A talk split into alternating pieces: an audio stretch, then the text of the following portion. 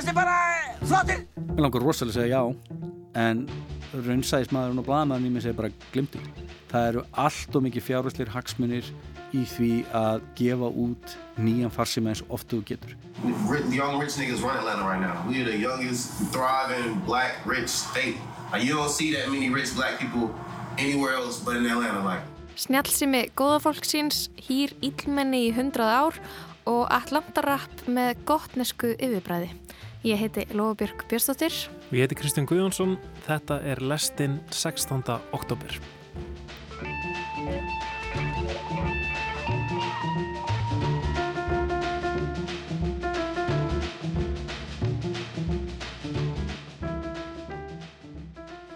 Í síðustu viku rakst ég á auglýsingu frá ráftækjafyrirtækinu Elko. Auglýsingin var í tilefni af degi ráftækja úrgangs 14. oktober. Fyrirtæki er með átaka því tilefni. Hvetur fólk til að skila gömlum ráftækjum svo hægt sé að endurvinna þau. Flott framtak það en það var endur ekki þetta sem vakti aðtegli mína. Á sömu auglýsingu var auglýst að Elko væri byrjað að selja nýja tegund síma.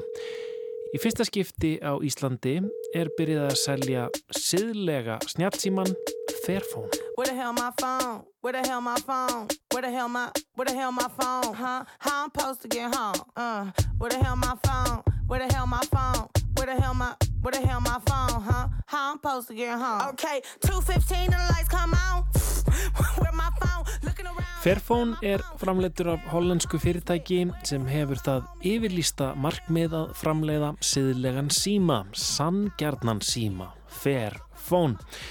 Síma þar sem þeir sem komað framleiðslinni eru ekki snuðaðir, síma þar sem málmannir sem eru notaðir í tækið eru ekki grafnir upp á stríðsheðum svæðum, þar sem stríðsherrar hagnast og nota barnaþræla í námunum til vinnunar, Síma þar sem að tækið úreldist ekki á átján mánuðum eins og meðal líftími snjálfsímans er. Síma þar sem þú ert ekki neittur til að kaupa nýtt tæki á nokkura ára fresti vegna bílana eða vegna þess að ekki er hægt að uppfæra hugbúnaðin.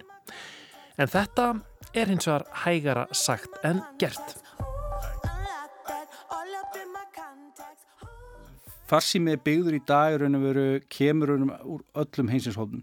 Hvort það séu koparnámur í Suður Afríku, eða hvort það séu kóbaltnámur í Kongo, eða játnmálmur í, í, í Þýskalandi eða Svíþjóð, eða, eða álið sem kemur þá frá Ástralju, gegnum súrálið. Það sem þau eiga þessi flest samanlegt er það að öll þessar háafni enda síðan í versmiðum í Kína. Þetta er Bjartmar Ottur Þeir Aleksandersson, bladamæður á heimildinni. Mér langar að segja sorpbladamæður en hann er svona sérfræðingur í sorpi. Svo sem skúpaði stóra fernumálunu hérna um daginn og áður hefur hann rekið endurnýtingar fyrirtækið grænir símar. Það þarf rosalega miklu orku og, og flutning á að sækja efnin og vinna efnin og kannski fólk bara átt að segja á því að því, að því það kannski oft kann maður ekki að meta það sem maður hefur og ég held að farsíminn sé eitt af þeim tækjum sem einmitt svona maður er byrjaðar að taka sem sjálfsæðan hlut en tækið er allstæðar að heiminum og það er fólk frá öruglega nánast hverju einustu heimsálfu sem hefur komið nálagt uh, símtækinu einu. Aðstæður verkafólks í Kína, umhverfis og samfélagslega áhrif í Afríku, kólefnis, fótspor og fleira og fleira. Það er ímislegt sem hönnuður siðlegs síma. Síma góða fólksins þarf að hafa í huga. Saga Fairphone er nokkuð aðteglisverð. Stopnendunir höfðu aldrei ætla sér út í símabransan. Heldur vildu þau vekja fólk til meðvitundar og beita tæknifyrirtækin þrýstingi.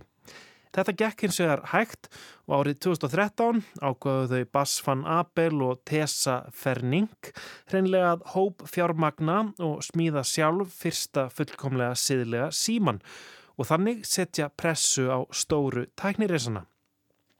Í desember sama ár 2013 kom fyrsti Fairphone símin á markað sími sem var smíðaður á eins siðlegan hátt og mögulegt var og var opnanlegur svo hægt var að skrúa upp síman með stjörnuskruðjóðni og skipta út einingum, kaupa varahluti og uppfæra ákveðna hluta símans.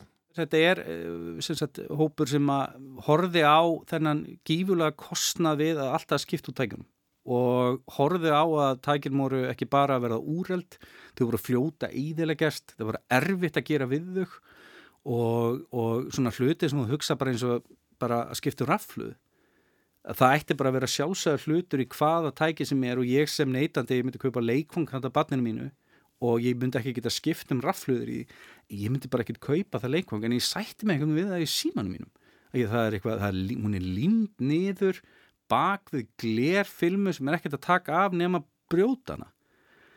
Sko, flesti verkfræðingar myndu bara grenja ef að þeir myndu þurfa að vinna með alla hluti sem við notum í daglegu lífi okkar ef þeir væri hannaði svona, ef að bílin okkar væri til að komast að ólíusíni þurfti að brjóta eitthvað gler veist, bara til þess að, að skiptum hana.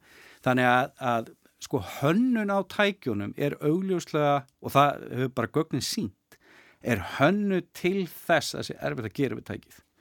Og það sem þessir stofnendur ferfónur að benda á er að, að ah, taknindi staðar gera þetta einfalt, en það er viljand ekki gert.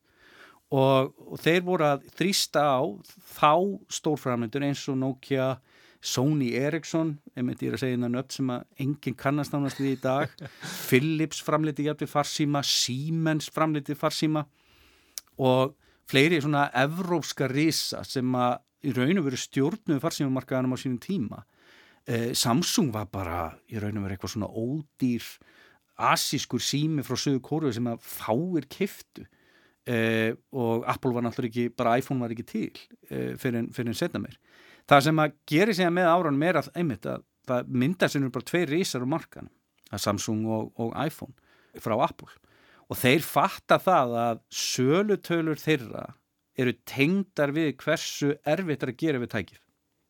Þannig að því erfiðar sem er að gera við tækið því fleiri síma selja þér að því ef að bíl myndi vera þannig hannaðar að það veri mjög erfitt að gera við hann þá myndi við örguð þurfa að fara í gegnum fleiri bíla heldur um við notum e, og þetta er vitað alveg innan, það er fjölda verið búið að skrifa fjölda greina af, af bladamennum vísbjörnum heimin um hvernig einmitt ráftækja framlegendur gerir þetta viljandi. Apple var gripið einmitt e, við það að svindla á neytendum með því að setja hugbúna í síman til þess að láta fórrætti segja þær að raflaðan sé verra heldur hún var og þeir fengur sekt á sig og við bara, ei, við elskum iPhone, við ætlum að halda áfram að kaupa iPhone. Þó að það hefði reynd að svindla okkur til þess að reyna að láta síman okkur virka verð mm -hmm.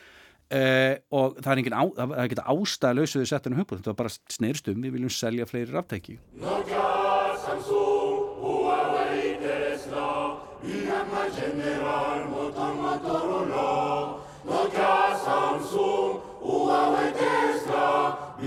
BMW, General, Motor, Motorola. Chopin, Opel, Opel, oh les deux, nous avons peur des faux révolutions. Eitt af þeim hráöfnum sem er hvað erfiðast að tryggja að unni séð í sátt við náttúru og menn er kóbalt en það er nöðsynlegt í framleiðslu á endur hlaðanlegum raflöðum, lithium batterjum. Helstu kóbaltnámur heimsins er í austurluta Kongo þar sem ríkt hefur borgarastyrjöld og lögleisa undafarna áratvíi. Kóbalt var aldrei svona sérstöka mikilvægur málmur áður fyrr og það sem gerði þess að rísa sprengju var einmitt fyrst farsimarkaðin. Því þar þurfturu í raun og veru að fara að nota rafluður sem þú gast notað aftur og aftur og verið alltaf að hlaða. E, við þekktum undir sem börn þegar við fengum leikfeng þá voru þetta bara einnóðar rafluður þannig hvort var virkaði tækið eða virkaði ekki og þá þurftum maður að grenja út nýja rafluður þarna breyttist í raunum með þessi kópalt eðinaður gífulega og það myndast bara rætt mikil eftirspunni eftir þessu málmi. E, vandamálið sem var þar að af því að var ekki sérstaklega eftirspunni eftir þessu málmi var að það var ekkert verið að búa að leita sérstaklega mikið af þessu málmi þá sérstaklega þá í svona, þeim löndum sem er ákveðin kostnað við það. Eh, en það var vitað um kópaltnámanur í Kongo og þá myndaðist bara í raun og veru ákveði gullæði í raun og veru. Og eh, þegar þú ert með svona hraðan vöxt í hvaðina sem er þá eru vaksta verkir og Kongo fann fyrir þeim mjög hart vegna þess að á sama tíma náttúrulega var bara borgarstríð í Kongo og, og það hefur verið bara já, frá því að í raun og veru uh, þetta alltaf frá sjönda ártugnum sem að þetta hefur verið vandamál á þessu svæði en, en uh, það sem að bjó líka svona til núna breytingarnar eru það að þegar þetta fór inn í að, að nota síðan kópalti til þess að kaupa vopn að þetta voru þessi hópar e, sem að e, nýttu sér þá veru þræla og jáfnvel þá í vestafalli badnaþræla til þess að vinna í þessum kópaltnámum. Þetta hefur nú aðeins skánað. E, Stórfyrirtæki hafa gert meir frekari kröf á upprunavottarnar og annað en e, upprunavottar er segja oft bara halva sögu. Og við erum að sjá til dæmis núna lönd sem eru nákvæmnaríki í Kongo sem er ekki með einu einustu kópaltnámu í landinu að þeir eru alltaf náttúrulega stórir útflutningsaðalar á kópalti og þá náttúrulega er votturinn ekkert rétt. Og þetta er svona saman sem við höfum séð fattiðinaðanum, þetta er þó að stórfyrirtekin segja mér að þetta sé allt í lægi þá er ekkert endilega vist að þetta sé alltaf allt í lægi sko. Já, þannig að þau eru að kaupa þetta frá einhverjum uh, undirverktaka sem segir hérna, þetta er allt í fínu lægi en, en, en er kannski svo að fá, fá efnin frá stöðum þar sem eru, eru átök og, og stríðsherrar eru að, að gera út þræla eða barnaþræla til þess að, hérna, til þess að vinna þetta og, og svo kaupa vopn fyrir, fyrir ágóðan. Algjörlega og þetta er það sem hefur verið mikið gagnir núna til dæmis með rafbílavæðinguna að Nú er ennþá mér eftirspurn, af því er ennþá mér eftirspurn eftir farsjúfum og svo komar rafbílanir ónáða og það ástand einmitt, einmitt býr til enn fleiri vakstaverki sem að munu eiga sér staða því þá þurfum við að fara að finna meira kópalt og þá erum við að fara með meira jarð, jarðrask á mjög viðkvæmi svæðum. Er, er, er kópalt bara í Kongo eða... Nei, nei, það, þú getur fyndið kópalt e, vísu í um allan heim en í þessu auðvelda vinnarlegu magni er þetta best í Kongo þannig að þetta er mjög ofalega í jarðveginum e, og það er einfalt að komast að því. Þjertleikin er, er, er gífulega mikil þetta þannig að þessin getur verið raun og verið með mjög afar svona já, e, gamaldags tól til þess að vinna kópaltið eða ná í kópaltið raun og verið og, og, og það hefur stafað þegar völdum að þú getur nota bara í raun og veru bara skublu þú getur fundið sér svæði annars þar í heiminum en það hefur bara því miður ekki enþá fundist það í sama mikla magni og líka svo er það verðið. Að það er miklu ódýrara í Kongo heldur en að ég myndi að myndi kaupa það af einhverju vestrænu fyrirtæki í, já bara ég myndi vera náma inn að sunna við kópa og skilur þú veist, það myndi vera mjög dýrt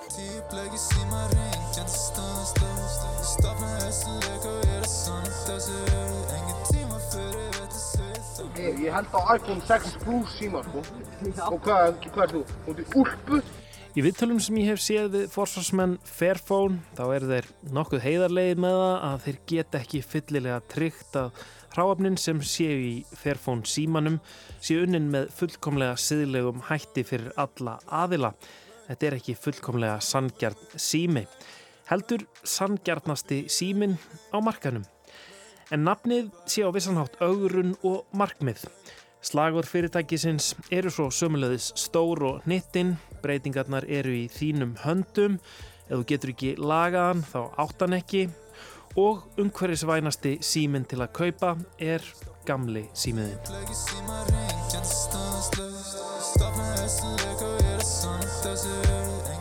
Þetta er alltaf pínulítið fyrirtæki þegar það byrjaði og, og þeir hafa með ótrúnum hætti náð að komast inn á sölu aðela sem að sko önnur aðri farsíðanframlendur hafa eins og ekki komist á. Það var einmitt, eitt sem saði í viðtali var einmitt út af því það er einfallt út af samvinskupiti þessara sölu aðela að þeir hafi sett henni í sölu. Og þeir séu raun að vera að afsaka sína hegðun að hafa selt rastl sem endist bara í átumáni og séu óungverisvænt og alla þennan pakka þannig að þetta er einhvern svona umhverfi samvinskupið sem hefur gert það að völdum að, að Fairphone símin hefur komist einst langt og hann hefur komist. E, og það er ekkert ástæðalausu fyrir því að við erum að ræða þetta hér og er að selja þannig að Elko er að marka setja hann sem umhverfisvænan síma og en svo er hann ekkert að minnast á Elko að hinn er síman er ekkert sérstaklega umhverfisvænir. En ótrúið stökk sem þeir hafa tekist og það er í raun og veru einað rétta væri að allir farsímar væri eins og fyrrfón. Það í raun og veru myndi gera það völdum ef ég myndi bróta skjáin, það myndi bara skipta um skjáin. Það er bara eitt tengi pínulítið sem ég þarf að skipta um. Þetta er ekkit lím, það er ekkit eitthvað sem að þarf að vera afskapla erfitt að gera. Batteri er einfalt í útskiptingu, myndavelur er einfalt í útskiptingu, móðubor er einfalt í útskiptingu. Þetta er alveg hægt að gera þetta en Samsung og Apple hafa gert það viljandi að láta viðgerðir á tækjónum vera engungu hægt hjá sér samþygtum viðgerðavekstaðum og þess áttar og ef að ég dyrfist að fykta í nótabenni síma sem ég á, ég borgaði penning fyrir hann og ég ætla að reyna að gera við hann, þá er ábyrgum farin. Leið og ég opnaði síma, þá er ég búin að drepa ábyrguna. Og það er líka barndahópur sem er að berjast fyrir réttundum til viðgerða og, og, og Fairphone er raun og veru hluti af þeirri keðju. Þeir hafa reynt sitt allra besta einmitt að kóbalti sé að koma úr réttri átt, álið sé endurunnið helst, plasti sé helst endurunnið. Þeir eru allavega að fara í rétta átt, e, geti staðfesta að allt sem þeir segja sér rétt, alls ekki. Og það er því afskapla erfi rannsóknarvinna að gera það. En þeirra, það sem líka tristir mig svolítið fyrir því að það mögulega þessi ekki rétt er það að allt þeirra orðspúr byggist á þessi að gera rétt. Þannig að ef það er ekki eitthvað vittlust og það kemst upp þá er, er markkópurinn og nansum lítill sem að mun þá treysta þeim. Mm -hmm. En framtíðin ánáttúrulega að vera að þú átt að geta gert við ráftækiðin á einfaldan máta og, og vara hluturinn séu til staðar. Og við erum, núna var Evrópussambandi að setja mjög sterkar lögjöf þegar kemur á stórum heimilistækjum að framlegendur geimi og, fram, og, og bjóði varahluti í alltaf fimm ár eftir úr kaupuðu. Og vegna þess að það er svo erfitt að nálgast varahluti fyrir mörg ráftæki. Það sem að gera það líka völdum er að þú ert með sama aðila sem er að fara að gera við ráftæki og að selja ráftæki. Þetta er saman fyrirtækið. Þannig að fjáraslega hagsmunu fyrirtækisins eru náttúrulega sjálfsögðu því að selja það freka fyrirtæki heldur en að gera við gamla tækið vegna þess að þar er framleiðin. Þannig að þarna er, er verið að vinni lögjöf sem gerir það völdum að það myndist ákveðin brú á milli framleiðinda og viðgeraðala og það er eitthvað það sem að Fairphone hefur náði raun og veru að takast að samina að þú getur verið bara þinn eigin viðgeraðali þeir eru ekkert að fara að bögga og þeir meiris að þannig viðskiptumótilega þannig að setja upp að þeir hagnist á því. E, græðar ég að mikið og, og Apple sem er eitt ríkasta fyrirtæki heiminum? Nei, alls ekki en þeir græða allavega eitthvað á því mm -hmm. hérna, Heldur þú að, að Fairphone verkefnið sé að búa til eitthvað þrýsting á, á starri fyrirtækin? Mér langar rosalega að segja já þú veist, innst inni, svona, þú veist í hjarta mér langar mér að sjá að Fairphone sé eitthvað meina að fara að stíga rísaskref og, og muni breyta þessum hugsanahætti og, og sjá til þess að fólk fara að, að, að í alvörunni að átta sig á því hversu mikil áhrif þessi tæki hafa umhverju okkar en raunsæðismadurinn og bladamæðurinn í mig segir bara glimti. Það eru allt og mikið fjárhæsleir hagsmunir í því að gefa út nýjan farsima eins oftu þú getur og þegar þú skoðar efnaðsreitninga þessar að tvekja fyrirtækja Samsung og Apple að þeir eru starri heldur en mörg þjóðuríki og ég er ekkert að tala um eitthvað bara fátökustu þjóðuríki, ég er að tala um bara mjög ofalega lista. Þannig að, að ef, ef að það á að takast að Fairphone eigi að taka það, þá verður löggefina stígin. Eh, við sáum það núna með, með, með, með hlæðslutækið, hvernig Apple ákvað að vera með öðru í sig heldur en allir aðrir.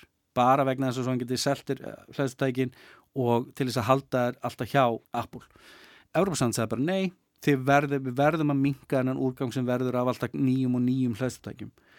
Og Apple þurfti að hlýða. Og núna ertu komið þannig að ég get, þarf ekki alltaf að vera í partíi batteríslösa því það er allir með annarkvæmt með Android eða Apple. Og, og þetta er það eina sem ég segja held ég að, að Fairphone símanir eigi sér framhanslífu geta haft e, e, í raun og veru eitthvað, eitthvað högg á markaðin er að ef að lögjafinn kemur og segir þið verðið að hætta að hugsa um hagna, þið verðið aðeins að fara að hugsa um umhverfis áhrif sem eitthvað tækir að hafa á jörðuna. Mm -hmm.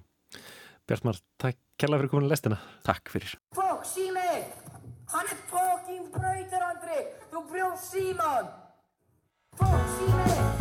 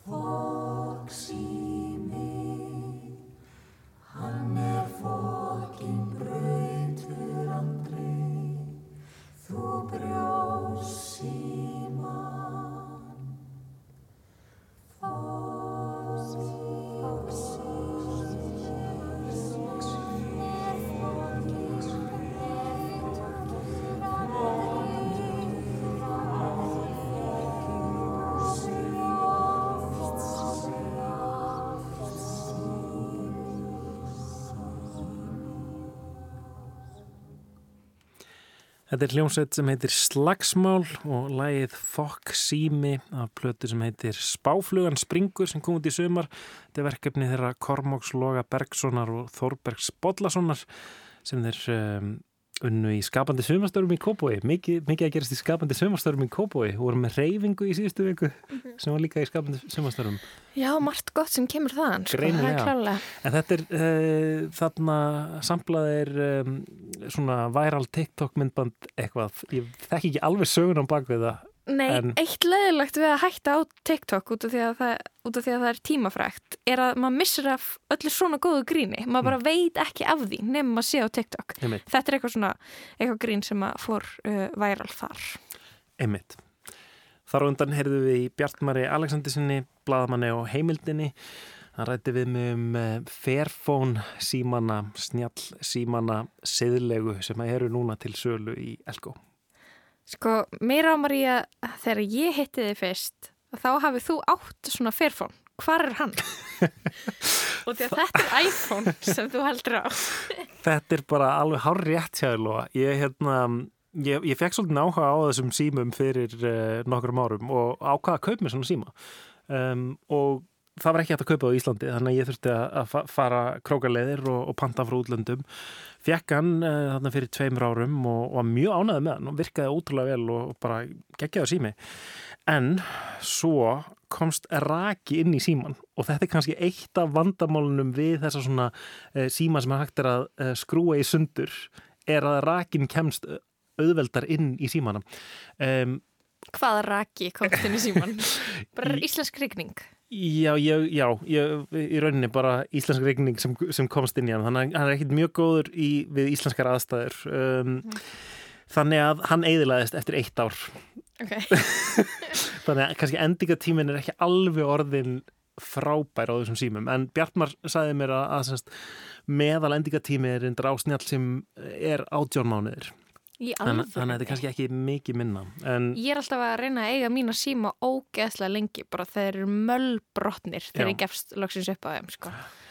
það já, er mitt framlag. en, þitt framlag til um, hvað ég var að segja Siðlegra Neyslu. En við ætlum að fara yfir í allt annað. Í dag, 16. oktober á Disney fyrirtækið 100 ára ammali. Og við ætlum að halda upp á það í lestinni í dag og rifja upp þættina hennar Önnumarsjars frá árinu 2021, Veröldin hans Waltz. En það var uh, fimm þáttar serja þar sem að Anna Marci um, velti verið sér Veröldin hans Waltz Disney í svona, já, í víðu samhengi, mjög víðu samhengi. En í þriða þætti þá ræður hún við Sigriði Jónsdóttur, leikurskakrinanda og þær íhuga saman Disney illmenni sem að verðast öll þegar betur er að gáð meira og minna hinsegin. Og eins og það rettu í þættinum þá um, hafa hingað til ekki verið neinir svona yfirlýstir hinsegin karakterar í Disney mynd. Um, en ef það er rýmt í táknin þá eru alls konar vísanir í hinseginleika. Og við ætlum að grípa niður í miðjum þriða þætti og hlýða á brot af spjalli þeirra önnum að sér og sigriðar og þegar hér er komið við sögu þá er það að ræða risa stóra stafinn hans Jafar sem er mögulega reyðurtákn. Er, viljum við meina að þar sé reður tákna á ferð? Ég, það, það er uh, ekki ég sem held því fram, það er bara hópur af fræðumönum á internetinu og í fagtímarutum sem uh, vegna þess að ef að tákn gerist einu sinni að þá er það mögulega slís eða eitthvað grín. En þegar hlutur gerist aftur og aftur og aftur í sömu tegund bíumynda með sama tegund af karakter að þá er eitthvað annað á seiði og hvernig sem þú vilt síðan útskýra það með þínum raukstunningi að þá held ég að þetta sé ekkert eitthvað út úr kortinu. Og þetta gerist líka með Radcliffe í Pocahontas. Hann er veist, hann er með slöfur í hárunu, hann er með fléttað hár, hann er með reysastóran hatt, hann er alltaf í bleikum, svona rúströðum fötum, hann er í háhaldum skóm, hann nennir ekki að vinna. Með mjóslegin, langan, fínlegan aðstóðarmann. Nákvæmlega, veist, þannig að þetta er, þetta er ekkert ímyndun og Nei. þetta er ekki eitthvað sem að ég er ekki að segja og það er mjög mikilvægt að, að tala um það. Ég er ekki að segja að hins einn kóðun þurfa að vera viljandi gerð, þurfa að vera vísvitandi sett fram af þeim sem búa til bíómyndunar. En þetta er byrtingamynd af því sem að samfélagið sem að samfélaginu finnst sem að er skoðun hins gagginniða svona reglverks það er þessir karakterar. Með skinnið fagur raukt sem fallegast er dögt Þeir eru hvítum mennum með kvöl Varla teljast mennskir. Trekum þá á brott. Þeir líkast engum hér Og bondir hljóta bera. Látum berast bimbust látt Hættulegir djöflar Látum berast bimbust látt ef við tölum þá bara um konurnar sem eru líka hópur af illmennum að þær eiginlega skiptast í sko tvent. Já. Að þær eru annarsvegar eins og í uh, Lísu í Undralandi og Þyrnirós um, þá eru þær svona sterkar og einhleipar og ákveðnar og reyðar erketýpur og yfirleitt annarkort stjúpmæður eða eiga ekki einmann og gefa frá sér mjög svona skýra myndum að þær getur mögulega verið lesbjur. Já. Að þá er þess, þetta eru karakterin, það eru meira svona butts, það eru meira einhvern veginn taka stjórn á sínum eigin málum og er þá aftur mótvægi við þessar kvenlegu, fingerðu aðalpersonur eins og til dæmis Þyrnirós og Lísu Jundralandi sem eru þá bara svona hvítar, fallegar, sætar, nettar, stelpur sem að þær eru líka algjörlega hafa sjúkan áhugaðum. Þær gera allt til þess annarkort komast yfir þær eða eiðilegja þær. Og þá verður maður að hugsa af hverju getur það mögulega verið. Og síðan eins og svo þegar ég fór að skoða þetta meira og það er pæla í þessu að þá er eiginlega þriðja tegundin. Já. Þá sérstaklega þegar kemur upp kvennpersonum. Annars vegar er það sagt, þessi kannski lesbíu stereotýpa Einmitt. en hins vegar þá er það dragdrottningin. Já, og þar komum við inn á minn eða mitt uppáhalds ílmenni Akkurat. Úrsula. Nákvæmlega. I admit that in the past I've been a nasty. They weren't kidding when they called me, well, a witch. But you'll find that nowadays I've mended all my ways, repented, seen the light, and made a switch. True, yes. Úrsula er byggð á dragdrottningunni Divine sem var gerði garðin frægan úr mjög svo svona jaðar kvikmyndum eftir uh, leikstjóran John Waters. Þannig að hún er bókstaflega byggð á þekktri dragdrottningu. Poor unfortunate souls in pain, in need. This one longing to be thinner, that one wants to get the girl, and do I help them? Yes, indeed. Those poor Og ef maður horfir á um, karakteri eins og Cruella de Vil í hérna 101 dalmartífundi þú veist sem hefur Mikil drag orka þar. mikil þá svona veist stórt hár og stór pels og hún er einhvern veginn svona ofur útgáfa af konu hún er ekki, hún er nánast ekki kona, heldur einhvern svona idealist búningatýpa af konu Ég lifi fyrir pelsa. Ég dyrka pelsa. Oh. Í alveg tala er eitthvað stað til kona sem gerir það ekki. mikið máli með mikið varalit og hana, stór augnhár og einhvern veginn allar reyfingarnar eru miklu frekar myndi ég skilgrina sem dragdrottning. Maður sem klæði sig sem konu frekar heldur en kona. Í fyrstu virðist frúin vera fjandi En fjandinn var að sig á henni má.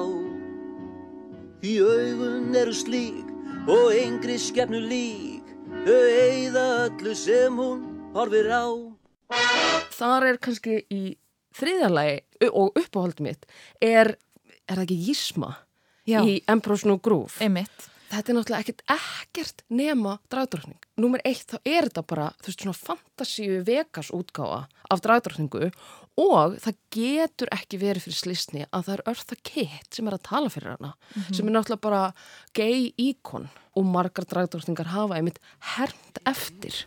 Oh, I know. I'll turn him into a flea. A harmless little flea. And then I'll put that flea in a box. And then I'll put that box inside of another box. And then I'll mail that box to myself. And when it arrives, I'll smash it with a hammer. It's brilliant, brilliant, brilliant, I tell you. Genius, I say.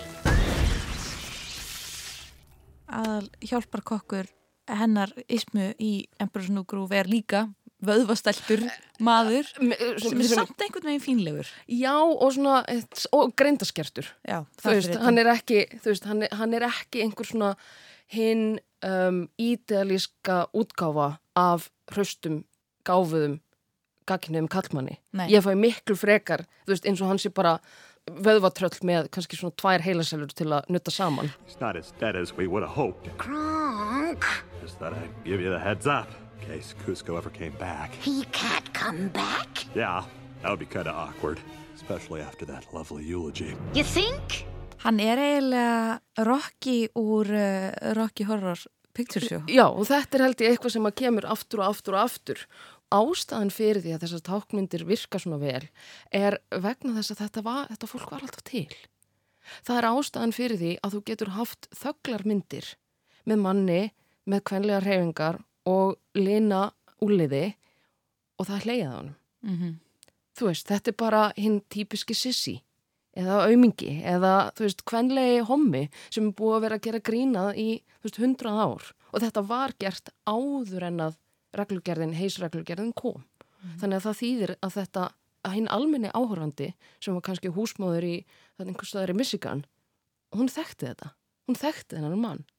Þú veist, þessi sem var einhleipur eða sem bjóð hjá mömmu sinni eða átti alltaf einhvern náinn vin og var með svona þessar kvenlegu reyfingar. Þetta byggir á þessum mjög svo sterku stereotypum og ég, eins og segi, eins og þú varst að segja áðan að þín uppáhaldskarakter væri Úrsula, Úrsula Mhm. eiginlega mín líka fyrir utan, ég hef alltaf verið mjög svo svag fyrir skara. Ég finnst Já. hann stórkuslegur. Frábær. Verið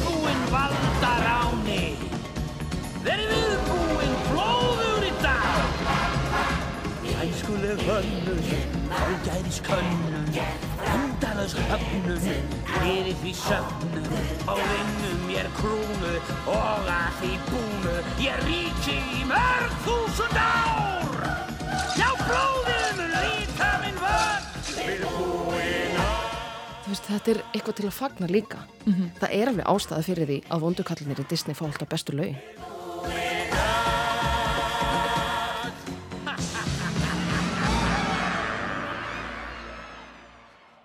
Um daginn horfði ég á um, Ringjarni Notre Dame í fyrsta skipti í langa tíma. Langan tíma, hvað heitir aftur? Hann heitir Frollo, sem sagt vondi kallinn þar og hann er einmitt mjög, mjög svona, já, linur í úliðnum eins og, þú- eins og þú segir. Mér fannst bóðslega áhugavert að horfa á þá mynd af því að ég myndi ekki eftir vondukallalæginu þar. Það er mjög kynferðislegt. Þar er Frollo að syngja um þann sko losta sem að hann ber til Esmeröldu sem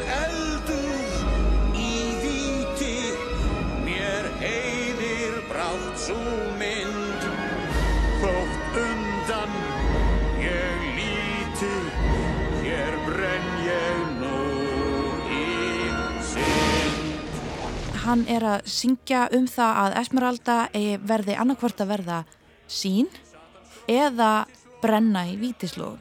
Einmitt. Og mér fannst það áhugavert af því að sko núna þegar við tölum um þessi ílmenni að það er oft að samkynniðu ílmennin innan gesalappa, þau sem eru linn til úliðana þau, Eða ákveðnar konur sem Já, já. eðlilega lesbjur upp til hópa. Nákvæmlega, þú veist að það eru margar af þessum personum sem að sko, hluti af þeirra vonda plani, þeirra íllu áætlunum er að enda með stúlkunni eða manninum eða eitthvað.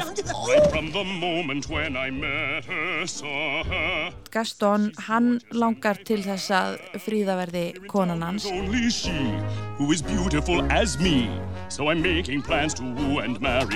Já, far, hann ætlar að taka sér Jasmín. prinsessuna. I wish for Princess Jasmine to fall desperately in love with me. Já, og svo auðvitað að þá ætlar Úrsúla að giftast Eiriki en ekkert af þessum íllmennum ætlar að eh, eignast þessa maka en að geðsalappa af einhverjum svona sko kynferðislosta eða ást, þetta er mikið meira vald. Vald. Þetta er vald og þetta er ekki ást. Þetta er ekki tilfinningin, þetta er ekki væntumþykja, Nei. heldur er þetta valdtaka.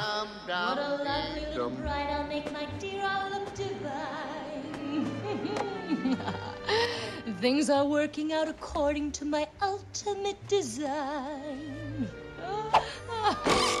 Soon I'll have that little mermaid and the ocean will be mine.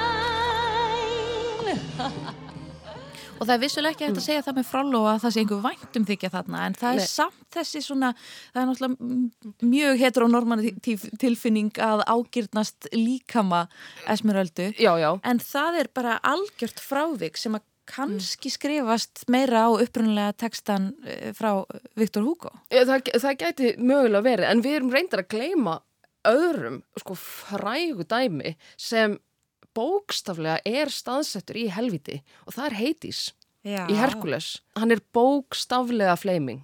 Veist, það er bara bókstaflega.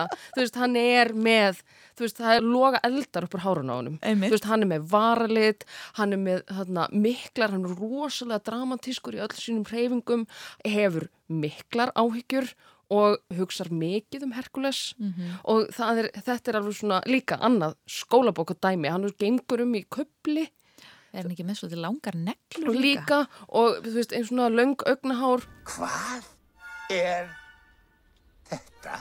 Æ, ég veit það ekki. Mér fannst þið bara flottir. Ég hef sólarring til að losna við þennan bjálfa. Annars er allt mitt ráðabrug síðustu átján árin farið í vaskin. Og þú gengur í hans meggavöru. Þessi stef sem að við þekkjum og ástæðan fyrir því að við þekkjum þetta er frá Disney myndunum. Myndirna sem ég er að vísa í eru frá minni eigin batnæsku. Ég horfði á fríð og dýrið öruglega 15-20 sinnum, ef ekki oftar. En þetta hefur áhrif og þetta hefur líka núna áhrif vegna þess að núna er Disney Plus komið á mjög mörg svo íslensk heimili og það var bókstaflega um, menta og menningamálaráðura var að krefjast þess að þær eru talsettar á íslensku. Þannig að þetta hefur ótvírætt gildi samkvæmt uppeldi skildi, samkvæmt íslenskum stjórnvöldum. Mhm. Það er bara búið að löggilda þetta mikilvægi og ég er ekkert á móti því. Þessar myndir eru að mörguleiti þær eru frábærar og þær eru velskrifaðar og það er margt í þeim sem er líka gott og það er líka hinn um, svona hinn hliðin á þessum pening er líka að í þessum karakterum þrátt fyrir að þeir séu vondir að þá er að spekla þeim. Að þá getur hins einn fólk spekla þeim. Og það er mjög áhugavert samtal við Harvey Firestein sem er um, uh, leikskáld og kannski betur þekktur sem bróðir Robin Williams í Mrs. Doubtfire. En hann uh, skrifaði til dæmis Hairspray og The Birdcage og fleira semst, og hefur alltaf, alla sína tíð verið mjög virkur hins einn barndum maður og höfundur. Og það tekið viðtal við hann í The Celluloid Closet þar sem hann, það er verið að tala um þessar neikvæða byrtingamyndir og hann segir bara hei, veistu, mér er bara alveg sama. Og því ég, ég ólst upp við að hafa ekki neitt. Mm. ég vil miklu frekar hafa þetta það sem ég get samsama við heldur en ekki neitt Já, þú fyrirgefur að ég fer ekki kollnís af gleði. Slæmin í bakinu skilur þau. og hann segir bara þetta er mögulega óvinnsal skoðun en þetta er það sem ég trúi og ég get alveg verið sammálunum að það, ég held að heimurinn er þið dabrari ef við hefðum ekki, þú veist, Örsulu og Kaftin Krók og Köttin úr Lísu Undralandi Then it really doesn't matter which way you go.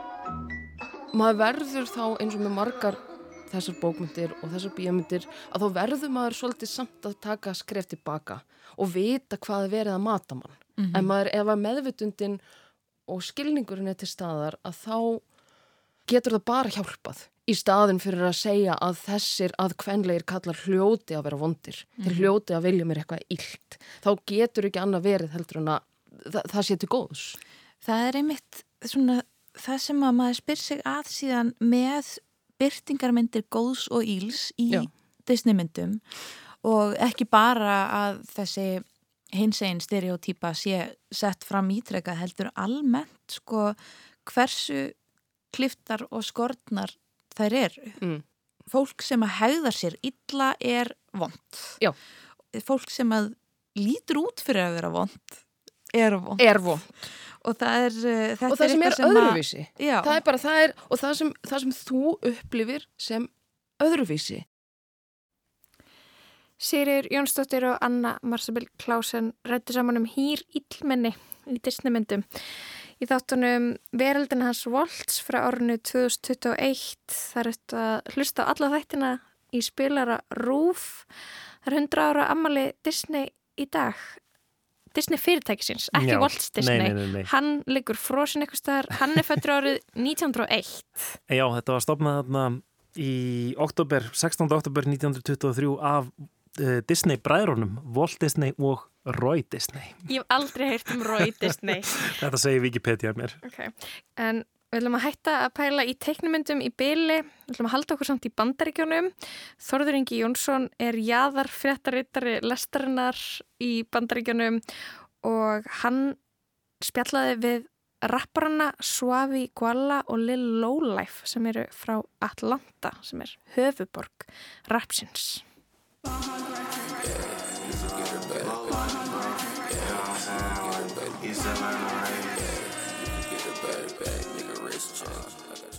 Við erum stödd í reikfylltu bakherbergi á ónefndum staði í Los Angelesborg með röpparunum Suavi Guala og Lil Lowlife.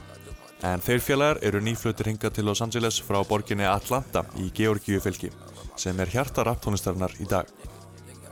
Guala og Low eins og þeir kalla sig eru hluti af hópi tónlistarmanna sem nefnist Ballhog Records en tónlist þeirra hefur vakið mikla aðtekli að undanförnum í heimi neðanjarðar rapsins. Stílinn og hljóðheimur þeirra er í dimmari kantinum með gottnesku yfirbræði sem er júkall tímans. Þeir ólist upp í austur hluta Atlanta og koma báðir frá vennilegum millistjættar heimilum. Hjá Gualla var ekki langt að sækja tónlistina því amma hans er sálarsöngunan fræga Candy Staton. Rapsinnan í Atlanta er á skrítnum stað þessi missurinn, segja þeir félagar. Þar sem höfuðpörinn og vonarstjarnasenunar Rapparinn Young Thug sætir nú fjölda ákæra fyrir meinta gengjastarsemi. Það vill reyndar svo til að saksóknarinn í málunum, Fannie Willis, sækir nú einnig Donald Trump, fyrirvændi bandarækjafórsetta til saka, fyrir meint kostningasvendl. Við byrjum spjallokkar á að ræða um stemminguna í Atlanta sem stundum er kölluð Chocolate City eða Súkulæðiborgin, þar sem borgarmenningunni er óneindalega haldið uppi að stórum hluta af svörtufólki. Young rich niggas run Atlanta right now. We are the youngest thriving black rich state. Like you don't see that many rich black people anywhere else but in Atlanta. Like young 19 Hellcat.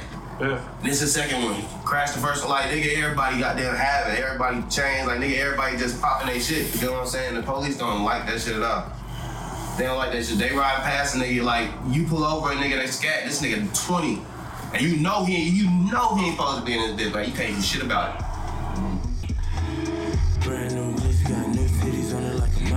Die. Pull up on a nigga corner where they rollin' dice, said shoot 50, and the nigga make his 40 drop. I toast bitch nigga like a French bag, yeah. Uh, American police is like the worst police. It's like, like America, like our police, bro, worst police probably in the world, like advanced type.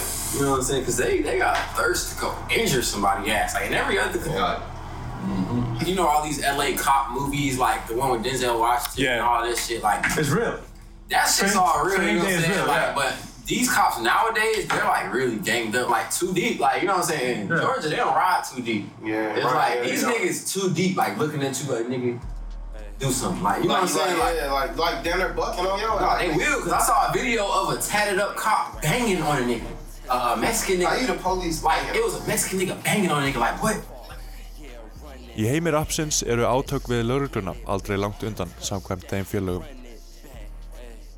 Lowe segir unga svarta fólkið ráða ríkjum í Atlanta.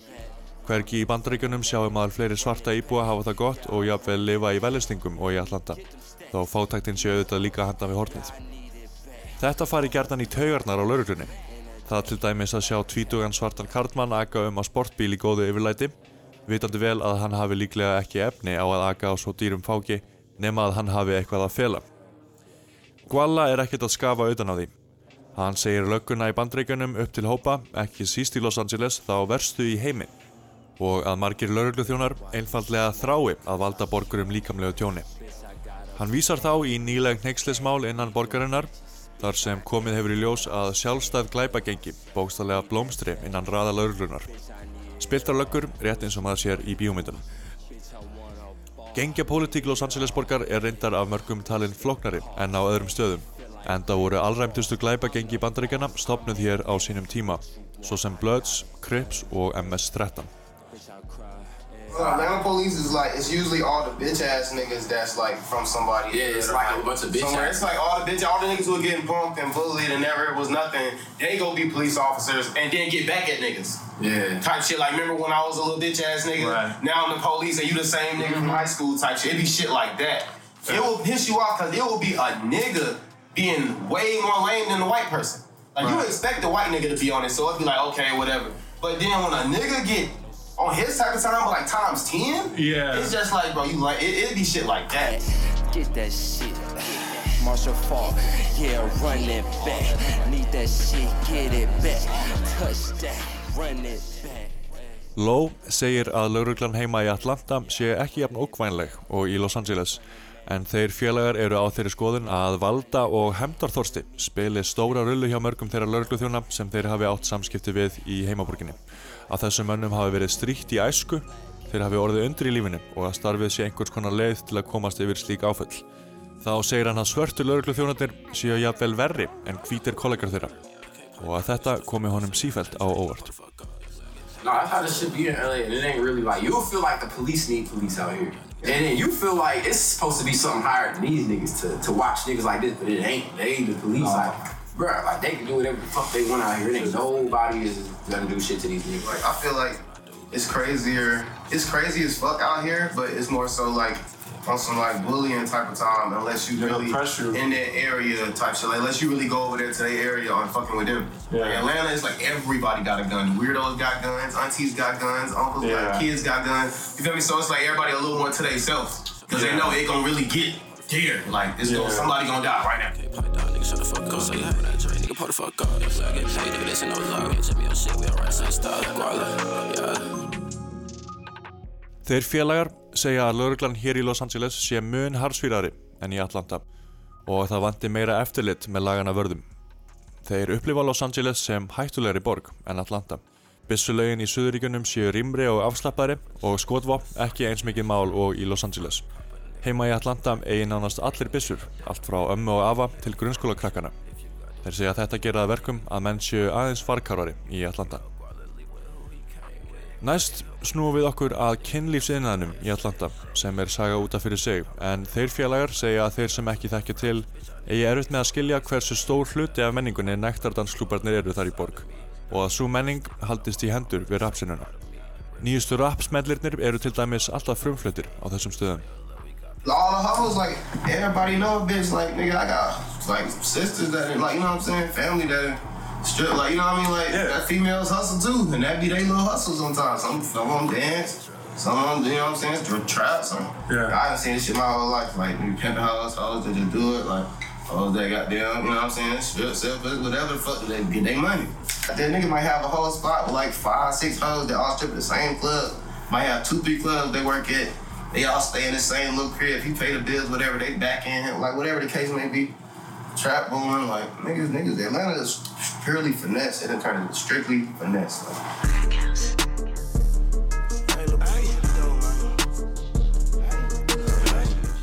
Lowe segir að kynlífsiðnaðurinn í Atlanta sé einfallega hluti af tilverunni þar og að hann sjálfur eigi systur og frængur sem dansi fáklættar á klúbunum öðrum til skemmtunar.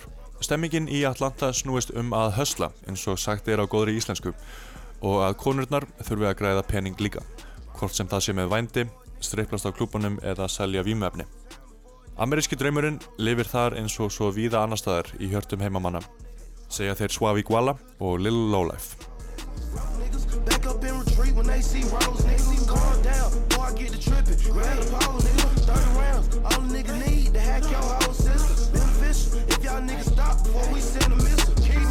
See I'ma hit you. You can ask Miss Crystal. All my niggas known for popping pistols. Keep that shit official. Third around drum, let's hit you. Hey, third around drum, how we hit it? Hey, trappy steady rockin', tell lil' bro go close door. Auntie trippin', need her X pills, lil' bro go get some more. Nigga play, we hit your dough. Spray the K and hit your bro. And after the funeral, fuck your hoe. We been spinning, throwin' foes. Hey, trappy steady rockin', tell lil' bro go close door. Auntie trippin', need her X pills, lil' bro go get some more.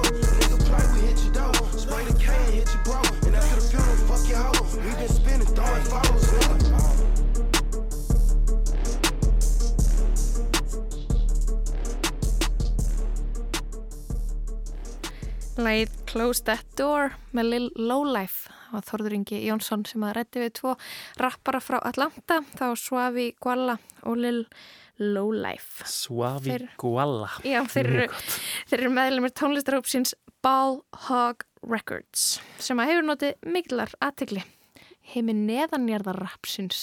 Ég er ekki alveg nógu vel að mér í, í því en það var forvitnilegt að fá svona einsynnin í þann heim. Það er gott að hafa Þórð Inga sem er með eirað einhvern veginn um, svo þjætt við jörðina að hann er eiginlega neðanjarðar sko. það verður ekkert fram hjá hann. Nákvæmlega. En já, lestin er komin að leiðalókum í dag, mánudaginn 16. oktober. Við Kristján og Lóa verðum með aftur á saman tíma morgun. Tæknumæður var Lydia Gretastóttir. Gott að fá hann aftur. Þannig til næst. Verið sæl.